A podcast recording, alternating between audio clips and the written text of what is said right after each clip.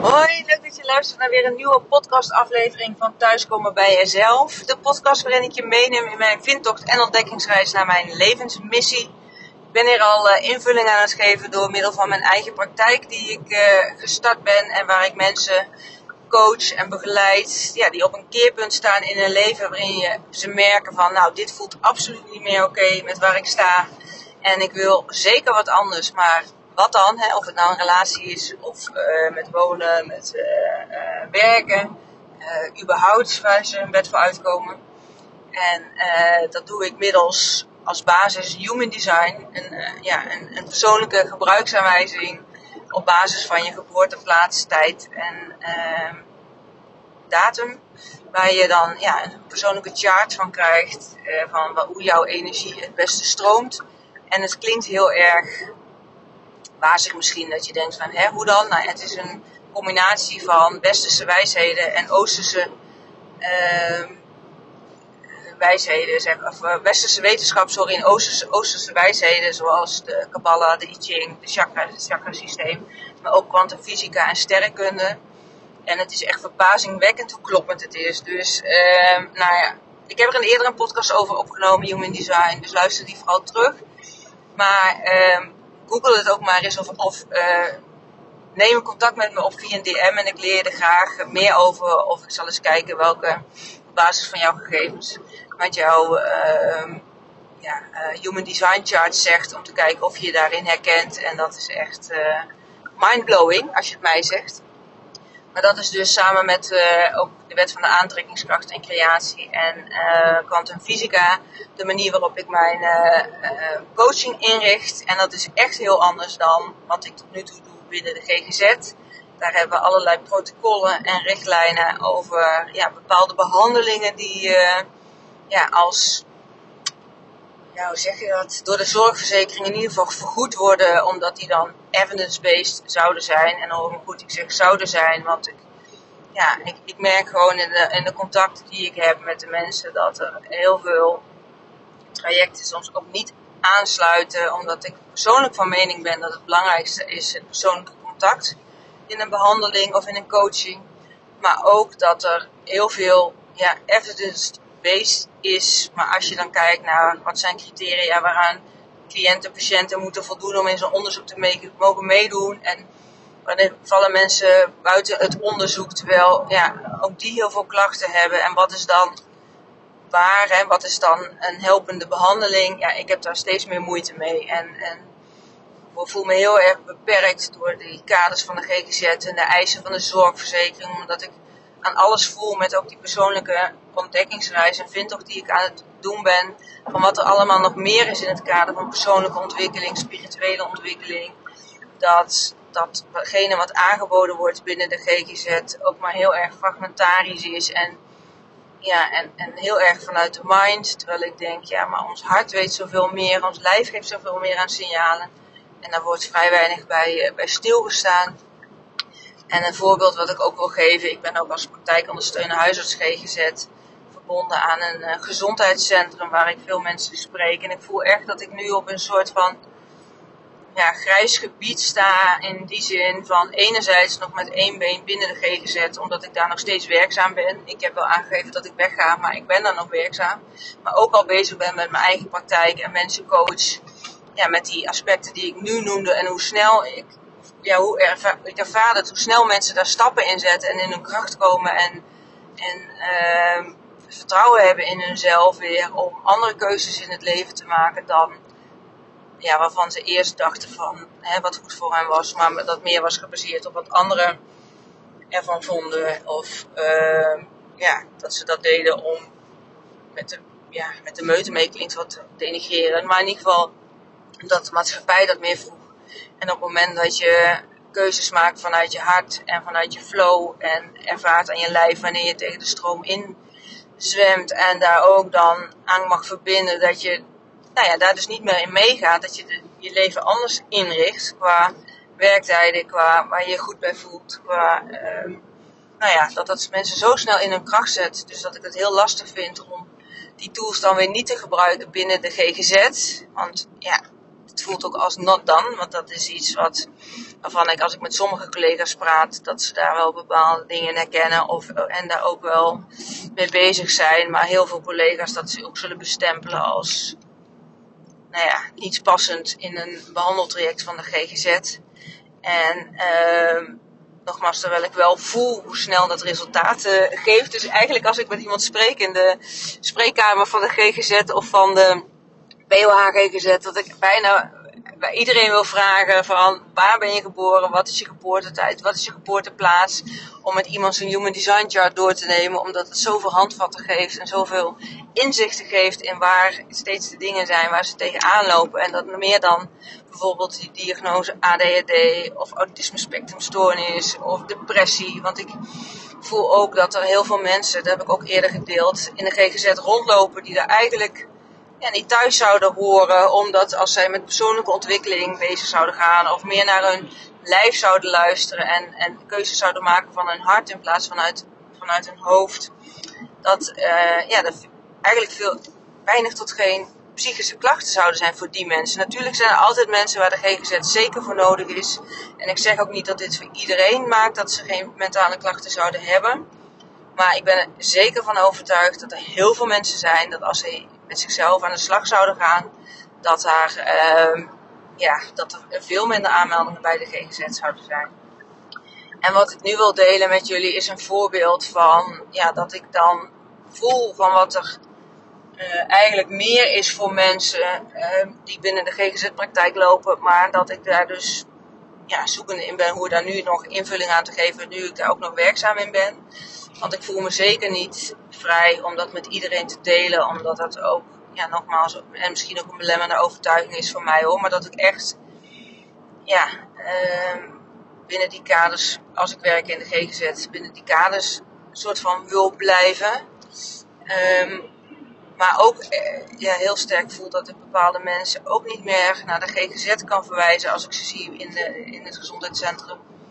Omdat het ook niet meer goed voelt om iemand een heel traject aan te gaan smeren, wil ik zeggen, maar aan te bieden. Om van alles uit te pluizen met een hoofd en een cognitieve behandeling aan te gaan.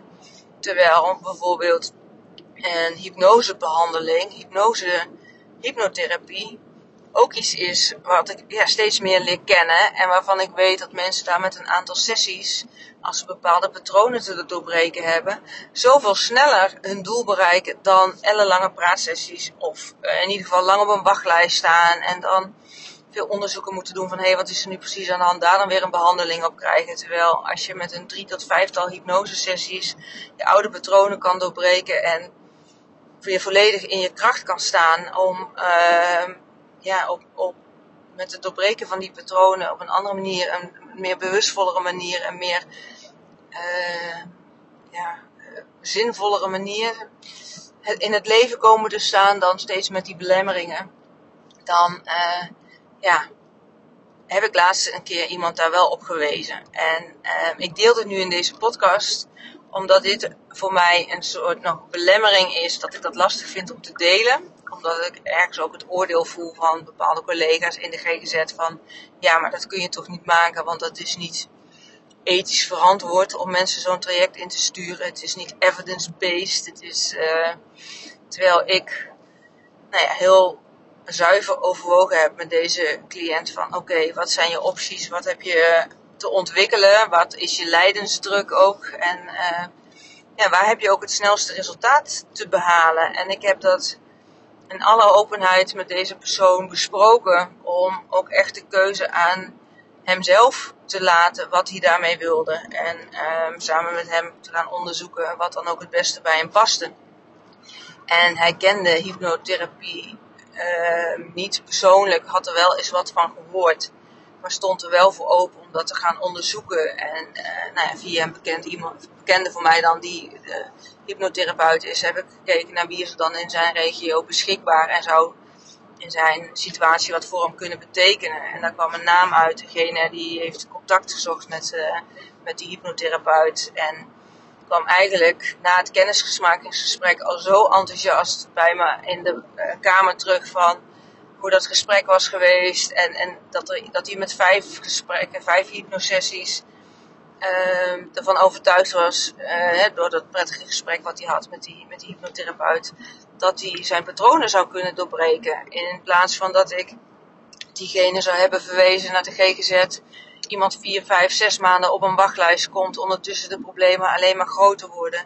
En uh, ook de, de klachten steeds groter worden. Terwijl nu, ik spreek hem volgende week weer, uh, of de week erop, maar een van de, dat hij een aantal sessies al heeft gehad. En dat ik ja, zo blij ben voor mezelf, maar zeker voor hem, dat ik toch die stap heb gezet om hem hier deelgenoot in te maken. Want hij uh, was me zo dankbaar dat ik deze optie met hem besproken heb. Dat dit nu een mogelijkheid voor hem werd om ook deze manier te bewandelen. En het werd niet vergoed door de zorgverzekering, dus hij moet dit zelf bekostigen. Wat ook niet een uh, goedkope behandeling is.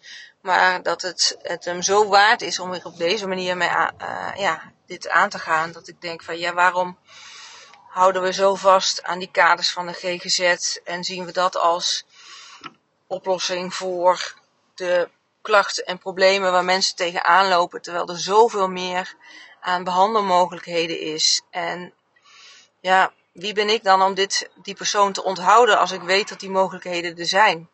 En ik mijn overtuiging is ook dat het een volwassen man is die heel goed zijn uh, eigen keuzes hierin kan maken. En ik leg hem iets voor. En hij maakt de overweging om het wel of niet te doen. En daar spar ik met hem over. En uh, vooral stilstaan van hè, wat, hoe voel je je daarbij. En uh, los van wat je hoofd beredeneert en relativeert. Maar wat, ja, waarvan voel jij dat het beste voor jou werkt? En zeker na dat eerste kennismakingsgesprek met die hypnotherapeut dat hij zo volledig in vertrouwen stond dat hij dit patroon ging doorbreken. En dat was al volgens mij uh, ja, meer dan de helft van de winst van, uh, van, zijn, uh, ja, van zijn behandeling, van zijn traject, van zijn gevoel weer voor levensvreugde, eh, het vertrouwen hebben dit patroon te doorbreken waar hij al jaren last van had. Recent is gescheiden omdat dit zoveel problemen binnen de relatie gaf. En dat het dus ja, dat vind ik dan ook zo zonde. Dat het dus eerst zo'n live event moet gebeuren. Zo'n scheiding en, en uh, ja, vastlopen op verschillende vlakken. Uh, voordat mensen in beweging komen. En dat bedoel ik ook met waarom ik denk dat veel meer mensen in de GGZ, veel minder mensen in de GGZ zouden uh, zijn voor behandeling. Um, als mensen hier eerder ja, met zichzelf mee aan de gang gaan. En um, laat het dan ook bij deze dus een oproep zijn voor collega's binnen de GGZ om breder te kijken dan alleen binnen je eigen behandelmethode. En vooral te kijken wat past bij deze persoon het beste. Wat is er nog meer mogelijk? Om daar in ieder geval het gesprek over aan te gaan en die ander dan ook te laten kiezen wat voor hem of haar het beste voelt. En um, ja, ik neem het in ieder geval mee uh, als een hele sterke bevestiging dat ik op de goede weg zit met wat ik zelf aan het doen ben. En dat ik het meer mag delen, ook in mijn huidige uh, werk al, om mensen hier meer bewust van te maken. Niet zozeer alleen met de cliënten die ik spreek, waarin ik denk dat dit echt een meerwaarde is. Maar vooral ook met mijn collega's om hier weer meer uh, bewustzijn in te creëren. Om hier meer het gesprek over aan te gaan. Misschien heilige huisjes ja, om te gooien, tegenaan te schoppen om uh, verandering uh, ja, te realiseren. Want uh, ja, hoe meer mensen hier invulling aan geven, mee bezig zijn, hoe meer mensen we natuurlijk bereiken om, uh, om die ook te helpen en te begeleiden in het zetten van stappen hierin, in plaats van alleen binnen de reguliere behandelmethodes van de GGZ. Dus ik ben heel benieuwd wat je hiervan vindt. Uh, zeg je van, hé hey Sonja, wel dan moet je meer van doen. Of zeg je nou, weet je, dit kan echt niet. Dit is echt nat dan. Uh, binnen de GGZ mensen uh, verwijzen naar hypnotherapie. Iets wat niet eens vergoed wordt door de zorgverzekering. Dat is de, hoe dan? Nou, ik ben heel benieuwd wat je ervan vindt. Laat het me vooral weten. En uh, stuur me een DM deel het op Instagram. Maak een, eh, een screenshot van deze uh, podcastaflevering. Tag me erin of je het er nou mee eens bent of niet. Maar ik, ben, ik hou wel van wat uh, reuring en opschudding. Dus uh, ja, nogmaals, hoe meer mensen ermee over in gesprek raken, hoe beter. Um, ja, ik, ik spreek je graag. op Instagram, eh, via de DM of bel me ehm, als je daar eh, eens over wil sparren. Voor nu dank ik je voor het luisteren en ik wens je een hele mooie dag toe. En een heel mooi leven. Ik spreek je in de volgende aflevering.